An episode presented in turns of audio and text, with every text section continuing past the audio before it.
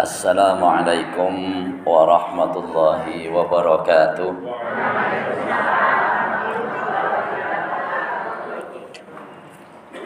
Suara ibu-ibu serah apa ya? Atau suara saya? Alhamdulillahi Rabbil Alamin Wassalatu wassalamu ala ashrafil anbiya'i wal mursalin Nabiyyina wa habibina Muhammad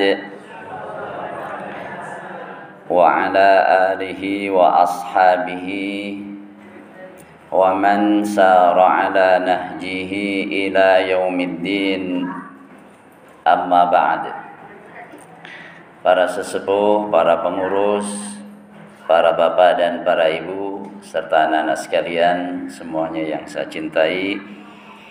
Alhamdulillah sore ini Allah pertemukan kita dalam ketaatan. Kita bertemu di majlis ilmu, di majlis zikir, bertempat di tempat yang paling mulia di muka bumi yaitu di Baitullah. Tempat untuk mengagungkan Allah kita berada di Mas.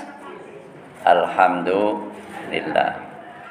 Teriring selawat dan salam semoga selalu tercurah kepada Nabi kita Muhammad sallallahu alaihi wasallam para sahabat segenap keluarga dan para pengikutnya sampai akhir zaman nanti.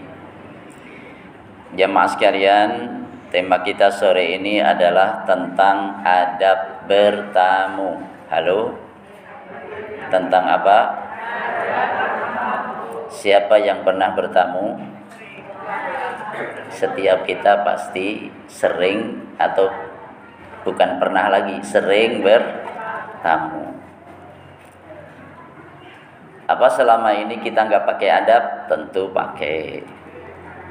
Mungkin ada di antara adab-adab itu yang terlewat. Yuk kita bahas bareng-bareng sekarang ini.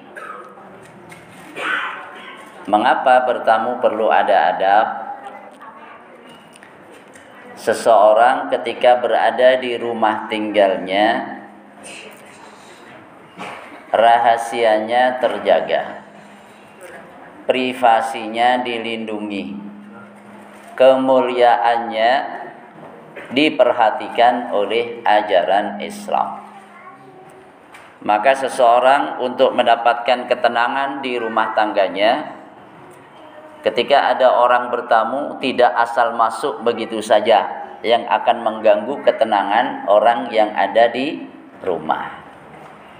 Oleh sebab itu adab ini diperlukan agar privasi orang yang di rumah, rahasia orang yang ada di rumah, kehormatan yang ada di rumah dan kemuliaannya serta ketenangannya tetap terlindungi. Dan orang yang bertamu juga tetap bisa menjaga apa namanya diri dari hal-hal yang tidak diinginkannya. Apa saja ada bertamu yang per, yang pertama salam dan minta izin salam dan minta izin. Ini disebutkan di dalam firman Allah surat An-Nur ayat 27. Surat An-Nur itu surat yang ke-24 ayat 27 Ya ayyuhalladzina amanu la tadkhulu buyutan ghayra buyutikum. Hai orang-orang beriman Janganlah kalian masuk rumah-rumah yang bukan rumah-rumah kamu. Jadi kita nggak boleh masuk rumah yang bukan rumah tempat tinggal kita. Jangan. Hat hatta tasta'nisu wa tusallimu ala ahliha sampai kalian minta izin dan mengucapkan salam kepada penghuninya. Kita nggak boleh masuk rumah orang lain, masuk begitu saja, nggak boleh. Jangan kata Al-Quran. Sampai gimana? Sampai kalian minta izin dan mengucapkan salam kepada penghuninya. Ketika kalian minta izin, diizinkan masuk, mengucapkan salam, maka masuklah. Gitu. Dzalikum khairul lakum la'allakum tadhakkarun. Yang demikian itu lebih baik bagi kalian agar supaya kalian mengambil pelajaran. Jadi Al-Qur'an ini diturunkan oleh Allah agar bisa kita amalkan. Bagaimana caranya bisa mengamalkan? Caranya adalah nilai-nilai yang ada aturan yang ada di dalamnya kita secara bertahap upayakan untuk fahami setelah kita fahami kita jadikan sebagai pelajaran kita ambil untuk pedoman dalam kehidupan kita kita jalani ini yang pertama gimana minta izin dan salam salam dan minta minta izin dulu apa salam dulu Umay gede. Salam bengok-bengok kon jaba ora krungu. Iya. Kalau kita pencet belnya baru ngerti. Ya. Baru keluar. Ngebel itu namanya minta izin bukan? Minta izin. Jadi mana yang dulu? Kalau orang keluar duluan ya assalamualaikum. Orangnya belum keluar ya kita apa? Pencet atau mungkin kita ketuk pintu. Ngetuk pintu juga ada adabnya. Yang sopan pakai kuku ini tok tok tok tok. Jangan kemudian pakai ini. Iya apalagi bawa batu tok tok tok astagfirullahaladzim ini Arab ngerampok apa Arab bertamu kan gitu Rasulullah Shallallahu Alaihi Wasallam mengajarkan bagaimana cara minta izin di dalam hadis yang diriwayatkan oleh Imam Abu Dawud, hadisnya sahih. Jadi ada seorang yang masuk, eh minta izin kepada Nabi bertamu. Langsung aaliju, boleh saya masuk? Langsung begitu aja. Rasul Shallallahu Alaihi Wasallam kemudian bersabda kepada pembantunya, keluarlah kamu, ajari tamu ini. Suruh dia mengucapkan Assalamualaikum a'adkhul Assalamualaikum, apakah saya boleh masuk? Kemudian pembantunya keluar mengajarkan kepada tamu tadi, Qul assalamualaikum a'adkhul. Katakanlah assalamualaikum, apakah saya boleh masuk? Kemudian diucapkanlah demikian oleh tamu tersebut, fa'adina lahu lahu Rasulullah sallallahu alaihi wasallam mengizinkannya. Jadi ini cara minta izin salah satunya dicontohkan melalui keterangan penjelasan dari Nabi kita Muhammad sallallahu alaihi wasallam. Ini yang pertama. Yang kedua, tidak menghadap ke pintu. Loh, emang menghadap ke mana Ustaz? Kan kita mau bertamu, mau masuk rumah. Masa suruh ngadep ke atas? Ya enggak begitu juga menghadaplah ke arah kanan atau ke arah kiri. Sebab kalau langsung menghadap ke pintu, mohon maaf, kadang-kadang yang ada di dalam rumah itu sebelum buka pintu, sebelum ngasih izin, ingin tahu dulu siapa itu tamunya. Betul nggak? Kemudian apalagi ini baru kembenan dari kamar mandi baru kembenan dari kamar mandi begini ya terus kemudian buka pintu sedikit maksudnya untuk ngerti saja siapa ini tamunya eh tamunya langsung begini gimana kira-kira jadinya? Waduh. Melihat sesuatu yang tidak seharusnya dilihat makanya kalau bertamu jangan menghadap ke pintu. Melainkan menghadap ke arah sebelah kanan atau ke arah sebelah kiri. Dari Abdullah bin Busr ia berkata, "Kana Rasulullah sallallahu alaihi wasallam idza ata baba qaumin lam yastaqbilil baba min tilqa'i wajhi." Rasulullah itu biasanya kalau mendatangi pintu suatu kaum, yakni Rasul ingin bertamu. Maka beliau tidak menghadapkan wajahnya ke arah pintu melainkan menghadapkan wajahnya ke arah sebelah kanan atau ke arah sebelah kiri. Ini dicontohkan oleh siapa? Nabi kita Muhammad sallallahu alaihi wasallam. Wa yaqulu dan mengucapkan assalamu alaikum. Assalamu alaikum yakni mengucapkan salam. Dijelaskan oleh perawi Wadhalika anna duara lam yakun 'alaiha yauma idzin sutur.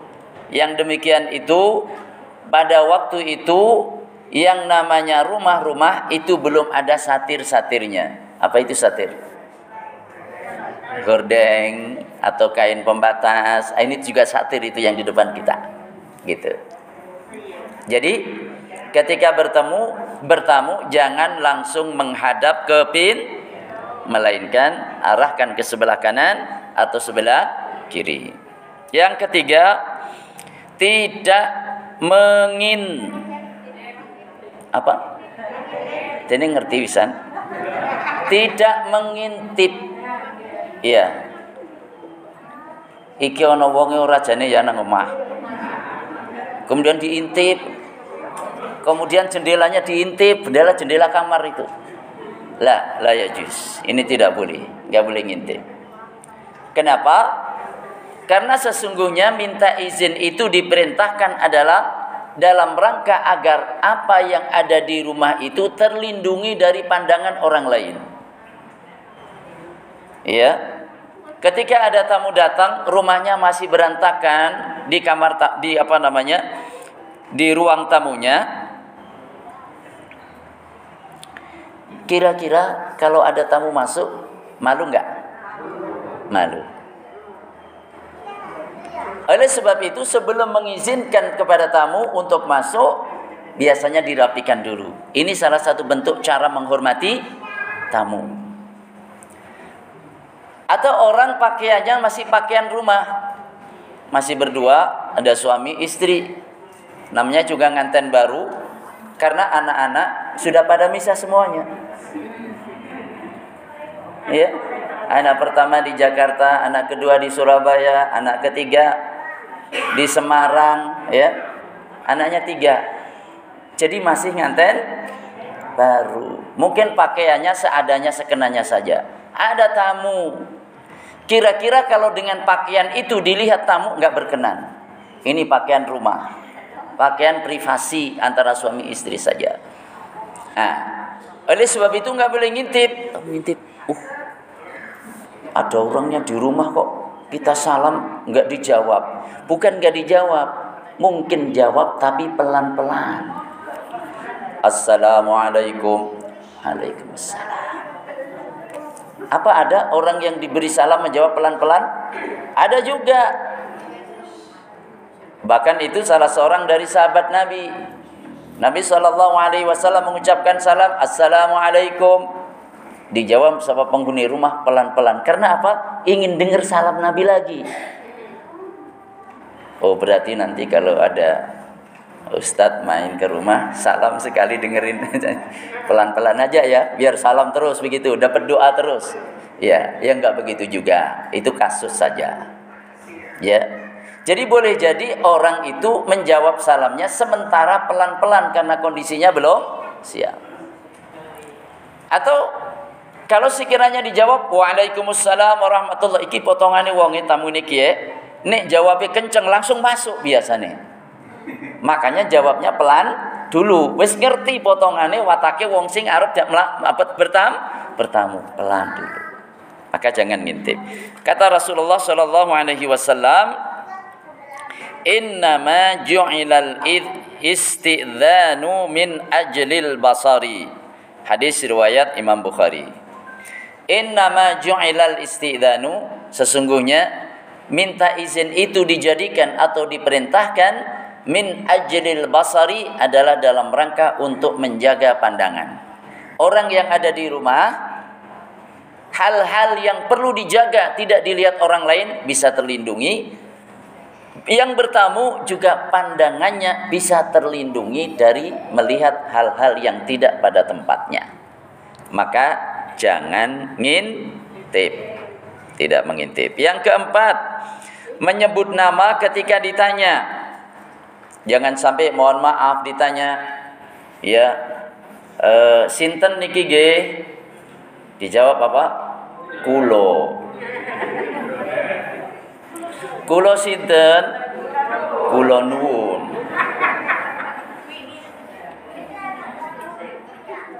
Ra jelas gue. Eh. Kira-kira yang di dalam rumah dengar kayak gitu gimana? Awes turu maning baen lah, orang genah wong sing jadi tamu. Maksudnya apa? Kalau sekiranya ada tuan rumah itu bertanya, mohon maaf siapa ya? Jangan jawab saya. Saya, jangan. Tapi sebut nama atau julukan yang sudah dikenal umum. Langsung nama saya Bapak Kirendra. Oh, nggih, sebentar gitu. Siapa ya? Saya Arwani. Iya, yang banyak punya ikan arwana. Iya. Dulu ada orang ketapang situ punya ikan arwana. Wis tinyang wong rong atus apa? Rong juta. Lagi keluar kota dinas, lupa nggak dititipin, mati. Begitu sampai rumah, Arab goreng orang mentolo sering. ya. Iya. Orang mentolo mangani sering. Jadi kalau ditanya ya sebut nama siapa atau julukan atau apalah yang penting adalah mengenalkan diri. Jangan menjawab saya saya jangan. Rasulullah Shallallahu Alaihi Wasallam telah bersabda ini hadis riwayat dari Jabir ini pengalaman Jabir ini. An Jabir bin Abdullah dari Jabir bin Abdullah kala ia berkata istadzantu ala nabi saya minta izin kepada Nabi sallallahu alaihi wasallam minta izin masuk Jabir ini sahabat dekat Nabi termasuk. Bahkan kata Jabir bin Abdullah ini, eh, eh sudah, ini langsung aja ini, nanti kepanjangan malah ya. Fakala lalu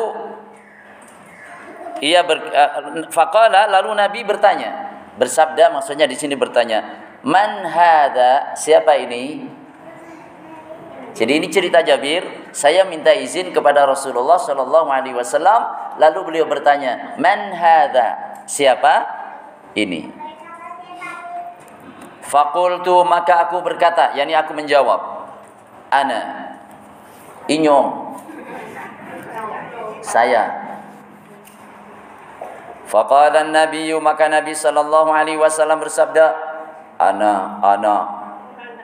Saya, saya di dalam riwayat lain disebutkan ka'annahu karihaha. Sepertinya Nabi tidak suka dengan jawaban itu. Kira-kira jawaban saya itu memperjelas apa tidak? Enggak. Siapa ya? Saya. Enggak jelas. Sehingga maksud dari pertanyaan itu belum bisa terjawab. Maka ketika ditanya oleh tuan rumah siapa ini ya, karena namanya tuan rumah kan ingin nyaman, siapa sebenarnya yang jadi tamu untuk memastikan kalau mengizinkan masuk juga aman. Mengizinkan masuk ini juga apa namanya tidak berdampak yang negatif. Tidak ada yang dikhawatirkan. Satu. Kalau orang menjawab saya, ini belum menjelaskan. Ini siapa tamunya belum jelas. Satu. Yang kedua, ketika orang menjawab saya, ini seolah-olah di sini mengesankan ada semacam kesombongan. Masa orang nggak tahu saya? Oh, begitulah kan. Seolah-olah kan gitu. Jadi siapa ini? Saya. Siapa ya? Saya. Astagfirullah. Jangan sampai ya. Sebutlah namanya dengan jelas. Apalagi nanti ketika orang tua sedang di belakang nyuruh anaknya, "Eh, ada tamu, tolong itu ditanya siapa?" Nggih, siapa nggih? Oh, saya Pak Alwi. Ya, presenter televisi husnul iman. Kelasnya kelas Najwa Shihab. Mantap nih. Gitu? Kelasnya gitu. Guyune kan enggak jelas. Masya. Jadi menyebut nama ketika ditanya. Jabir bin Abdullah ketika ditanya Nabi saat dia minta izin masuk, Jabir menjawab saya. Rasul kurang senang dengan jawaban itu, maka Rasul mengatakan ana ana gitu ya. Saya saya. Yang berikutnya yang kelima minta izin tiga kali. Maksudnya minta izin itu maksimal tiga kali. Caranya bagaimana? Antara minta izin yang pertama dengan yang kedua dikasih jeda. Antara minta izin yang kedua dengan yang ketiga juga dikasih jeda, dikasih jeda. Wamanya tok tok, tok tok tok tok. Dah. Kira-kira kalau lagi ke belakang bisa selesai dulu. Ya, atau kira-kira kalau sedang sholat duha dua rakaat selesai. Berarti berapa menit kurang lebihnya? Katakanlah dua dua menit. Setelah itu ketak lagi assalamualaikum. Tok tok tok. Kira-kira kalau sudah dari belakang habis mandi dia kemudian sudah mengenakan ba baju. Sekaligus mikir ini kira-kira diterima apa enggak? Kan gitu Diterima apa enggak? Ini saya sudah harus siap-siap keluar ini. Janjian tinggal lima menit lagi. Kalau nerima tamu, boleh jadi ini enggak jadi siap-siap. Apalagi nanti lamunya panjang, lama. Sehingga nanti janjinya tidak terpenuhi. Gitu kan? Ini. Kemudian tok-tok lagi. Assalamualaikum. Kalau sampai tiga kali, dan antara pertama dengan yang kedua, yang kedua dengan yang ketiga dikasih jeda, kemudian ditunggu lagi. Kalau tidak juga diizinkan, boleh jadi tuan rumah sedang dalam kondisi yang tidak memungkinkan untuk menerima tamu. Boleh jadi tuan rumah dalam kondisi yang tidak sedang dalam keadaan yang nyaman untuk menerima tamu ini sudah lama nggak di rumah baru datang ya. Baru datang tadi sore. Malam-malam jam jam 9 ngetok pintu. Assalamualaikum. Waduh kangen karo yang di rumah belum hilang. Umpamane ora dibuka pantes ora gue assalamualaikum. Pantes nggak bu? Ada? Malu-malu Jadi intinya kalau sudah minta izin sampai tiga kali tidak juga mendapatkan izin pulang. Rasulullah Shallallahu Alaihi Wasallam bersabda hadisnya sahih riwayat Imam Bukhari dan Imam Muslim Idza sta'dana ahadukum thalathan falam yu'dan lahu falyarji' Apabila seseorang di antara kalian minta izin tiga kali Sekali kasih jeda yang kedua kali kasih jeda lagi. Sampai yang ketiga ditunggu lagi. Apabila seseorang di antara kalian minta izin tiga kali, falam yuk dan tahu, kan tetapi tidak diizinkan kepadanya, fal yarji maka pulanglah. Pulang. Iya.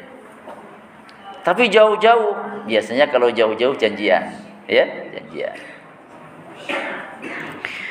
Ini yang kelima. Yang keenam, segera pulang bila tidak diizinkan. Ini kadang nggak diizinkan masuk ngotot. Loh, tamu kok ngotot? Nggak boleh. Tuan rumah itu berhak menerima tamu atau menolak tamu. Tapi kan diperintahkan menghormati. Iya, diperintahkan menghormati tamu tapi tidak ada perintah untuk menerima semua tamu, nggak ada. Artinya tuan rumah punya kemerdekaan, punya kebebasan untuk menerima atau tidak menerima ta tamu. tukang jahit. Sudah janjian nanti jam 5 mau diambil. Waktu untuk menyelesaikan jahitan tinggal antara jam setengah 4 sampai jam 5. Eh setengah setengah 5 sampai jam 5. Ada tamu. Yang kalau dia ngurusin tamu janji dengan pelanggan tidak ditepati. Padahal ngambilnya jauh-jauh. Itu? Dalam keadaan seperti itu, tuan rumah bisa mengatakan mohon maaf, saya lagi nyelesain dulu ini ada ada jahitan yang gimana nanti kalau setelah jam 5 atau apa namanya habis maghrib. Tepat diomong yang baik, eh, diomong yang enak. Hendaknya tamunya juga memahami. Jadi kalau sekiranya tidak diizinkan pulang dengan senang hati. Bukan pulang dengan gerundel. Pulang dengan grundel tandanya urung ngaji. Lah kok bisa? Kan nggak grundel sih gimana? Yuk kita baca ayatnya. Iya. Di dalam surat An-Nur ayat 28 tadi ayat 27 yang saya bacakan sekarang ayat 28 فإن لم تجدوا فيها أحدا فلا تدخلوها Kalau kalian tidak mendapati di dalam rumah tidak mendapati seorang pun fala tadkhuluha jangan kalian masuk ke dalamnya jadi kalau kita assalamualaikum di rumahnya kosong nggak ada siapapun jangan masuk nanti bisa digebuki tetangga dianggap maling. Kan gitu? Di antara kemungkinan yang akan terjadi. Makanya jangan masuk kalau tuan rumah tidak ada. Hatta yu'dzana lakum hingga diizinkan untuk kalian. Kecuali kalau sudah dapat izin. Assalamualaikum saya sudah di depan rumah ini Pak. Oh nggih kuncinya ada di tetangga sebelah kanan. Sudah saya titipin. Nanti kalau ada tamu pakai baju oranye tolong dikasih masuk. Lah kok baju oranye? Emang kalau baju yang lain gimana? Sudah janjian. Saya nanti datang pakai baju oranye. Umpama kata. Itu namanya diizinkan. Jadi kalau kalian tidak mendapati seorang pun di dalamnya, maka jangan kalian masuk sampai kalian diberi izin. Atau atau begini. Kamu datang dulu ke rumah, ini kuncinya. Saya nanti pulangnya agak terlambat. Berarti sudah diizin? Diizinkan. Sebaiknya kalau yang seperti ini mengundang kecurigaan tetangga kanan kiri, tuan rumah juga ngomong, Pak, mohon maaf nanti sekitar jam sekian ada tamu, dan ini ini ini saya belum datang, itu tamu saya itu. Eh, Bu nanti tanya-tanya ini siapa kok masuk rumah, sudah saya titipkan kuncinya kepada yang bersangkutan. Oh enggak. Jadi nanti kanan kirinya merasa dihormati sebagai tetangga. Sebab yang namanya tetangga ketika ada orang masuk rumah, ke rumah tetangganya itu ada tanggung jawab moral, betul nggak? Ini mau di anu, salah ini gini, dibiarkan salah, makanya omong yang baik dengan tetangga itu canda menghormati dalam kehidupan bertetangga. Itu kalau dapat izin masuk. Wa in qila lakum urji'u farji'u Wa in qila dan jika dikatakan lakum kepada kalian irji'u pulanglah. Jadi tidak diterima masuk. Mungkin orangnya ada di rumah, tapi nggak bisa nerima kalau tadi mau nyelesain jajitan atau ada yang keperluan yang lain. Irji'u pulanglah, apakah secara lisan atau mungkin dengan bahasa yang lain tapi intinya adalah tidak mau menerima untuk sementara pulanglah kalau dikatakan kepada kalian, pulanglah, begitu kata tuan rumah, maka farji'u, segera pulanglah kalian. Segera. Enggak pakai lama. Enggak pakai entar, enggak pakai nanti. Sebab kalau tuan rumah tidak mengizinkan, tuan rumah sudah meminta tolong pulang dulu, kita masih gelendotan di situ, itu bikin nyaman enggak? Tuan rumah merasa tidak nyaman. Tuan rumah merasa areanya ini, area privasinya ini diganggu orang. Membuat hubungan juga tidak enak. Maka kalau sekiranya kalian diperintahkan untuk pulang, disuruh pulang, pulanglah segera. Farji'u. Kalau kalian pulang, huwa azka lakum. Itu lebih suci bagi kalian. Enak enggak? Enak. Mendapatkan tazkiyah dari Allah, kesaksian dari Allah. Kalau kita bertamu, tuan rumahnya mengatakan pulanglah, kita segera pulang. Kalau kita segera pulang, maka kita mendapatkan ayat ini huwa azkalakum. Kapan kita mendapatkan? Ada seorang sahabat saya mencari-cari ayat ini terpak ter apa namanya terterap dalam diri saya tapi belum belum juga maksudnya gimana saya ingin bertamu sekali tempo nggak diterima kemudian saya disuruh pulang gitu loh kalau nanti saya disuruh pulang, saya langsung pulang. Emang kenapa? Sebab kalau disuruh pulang, saya langsung pulang, saya akan dapat nih ayat ini. Huwa azka lakum, itu lebih suci bagi kalian. Siapa yang tidak ingin mendapatkan kesaksian dari Allah bahwa kalian mendapatkan kesucian? Allah Akbar. Wallahu bima ta'maluna alim. Allah terhadap apa yang kalian kerjakan itu alimun maha mengetahui. Pernah kejadian begini. Saya mau bertamu, janjian sama salah seorang dosen, orang Arab. Kemudian itu menjelang maghrib. Ketika saya masuk ke perumahan itu, ada kawan saya, arah sebaliknya, dia pulang dari arah di mana saya akan menuju ke sana. Nah, Rani, mau ke mana? Mau ke tempat Pak Ustadz Fulan. Oh, nggak mau nerima. Saya tadi dari sana, tapi saya nggak diterima. Mohon maaf lain waktu saja, begitu. Oh begitu. Terus, ayo pulang aja sama saya. Enggak deh, udah nyampe sini tanggung. Nah, terus gimana? Udah, sampean duluan nggak apa-apa, saya tanggung. Assalamualaikum. Waalaikumsalam Ahlan wa sahlan Arani. Suruh masuk. Emang udah janjian? Udah jan janjian. Jadi boleh jadi orang nggak menerima itu karena sudah ada janjian dengan orang lain, ada hal-hal yang ingin dibicarakan. Benar, memang ada hal yang dibicarakan. Ngajarin saya makan daging. Loh, makan daging itu belum belajar loh. Biasanya kita makan daging itu nasi sepiring dagingnya berapa? Sepotong. Eh sepotong, apalagi disuir-suir deh kayak Ya, begitu datang ke situ, Arwani, ya, eh, tahal. Memang disuruh makan malam di situ. Bahasa saya, ini latihan makan daging. gitu. Ternyata dagingnya banyak, nasinya sedikit. Gimana ini? Zit tambah. Oh, yakfis, cukup. Lah, zit. Daging, kayaknya sudah dua potong udah banyak. Zit tambah tiga potong. Masya Allah. Nah, ini nasinya buat lauk. Bukan apa namanya? Dagingnya bukan lauk, bukan Biasanya kan kita dagingnya buat lauk. Nah, ini dagingnya yang banyak, nasinya yang dikit. Mau kayak gitu. Nah, gitu. Jadi ternyata si fulan itu nggak diterima karena memang ini sudah ada janji dengan beberapa orang. Ya, maka yang sudah ada janji tadi yang diterima. Tapi saya sampaikan, ya Ustaz, tadi kelihatannya si fulan tadi agak kurang nyaman gitu. Loh, mestinya biasa saja itu. Bahkan itu harusnya dia ber, dia apa namanya berkesempatan mendapatkan ayat ini. Huwa azka lakum kalau segera pulang itu lebih bersih, lebih suci bagi kalian. Siapa yang mau ke rumah nanti saya suruh pulang supaya dapat ayat ini.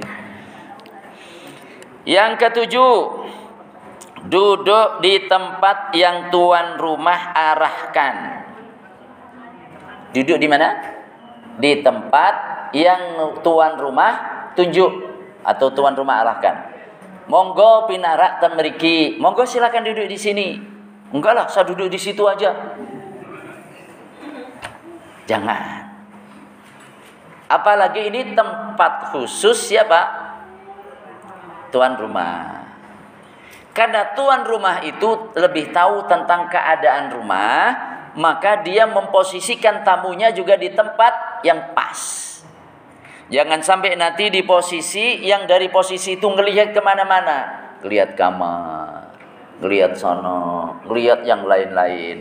Makanya tamu diarahkan di tempat tertentu oleh tuan rumah supaya mata pandangannya terjaga.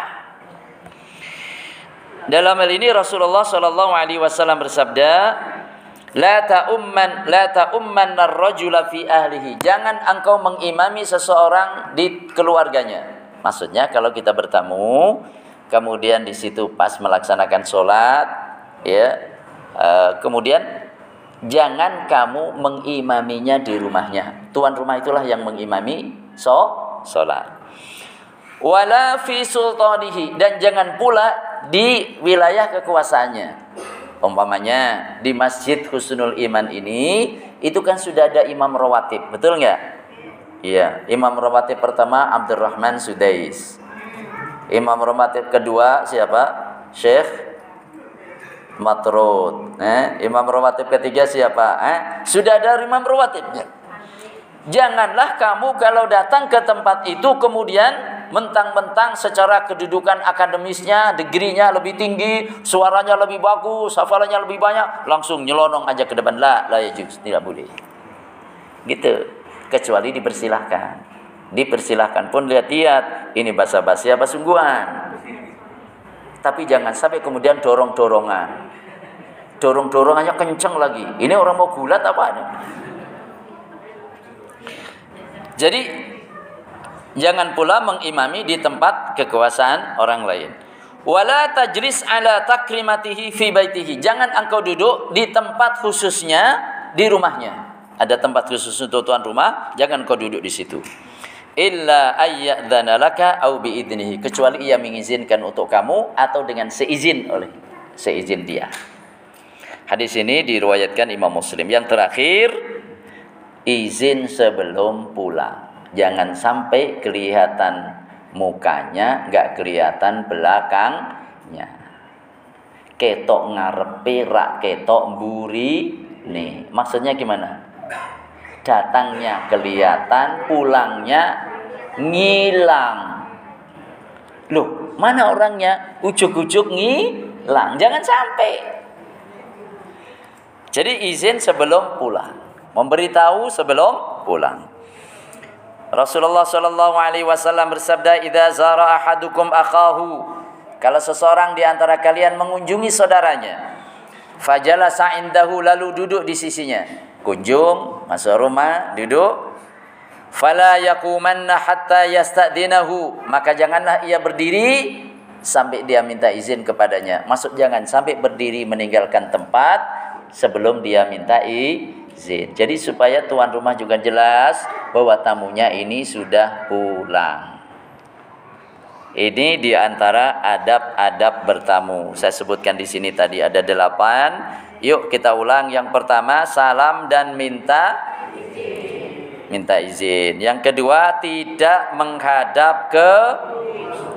Yang ketiga tidak ingin yang keempat menyebut nama ketika ditanya. Jangan sampai niki sinten kulo, kulo sinten ora jelas kue. Yang kelima minta izin tiga kali. Minta izinnya juga pakai cara Assalamualaikum, Assalamualaikum, Assalamualaikum. Gak tahu sudah berapa puluh kali itu. Aduh, ini orang belum belajar di husnul iman. Adab bertamu. Yang keenam segera pulang bila tidak diizinkan. Yang ketujuh duduk di tempat yang tuan rumah arahkan. Yang terakhir izin sebelum pulang arep mulih yo kondo ojo ujuk-ujuk lah ngaten nggih Terima kasih, semoga manfaat. Yuk kita indahkan nih adab saat bertamu. Insya Allah nyaman yang ditamuin. Kita sebagai tamu juga nyaman, sama-sama terjaga. Alhamdulillah. Terima kasih. Assalamualaikum warahmatullahi wabarakatuh.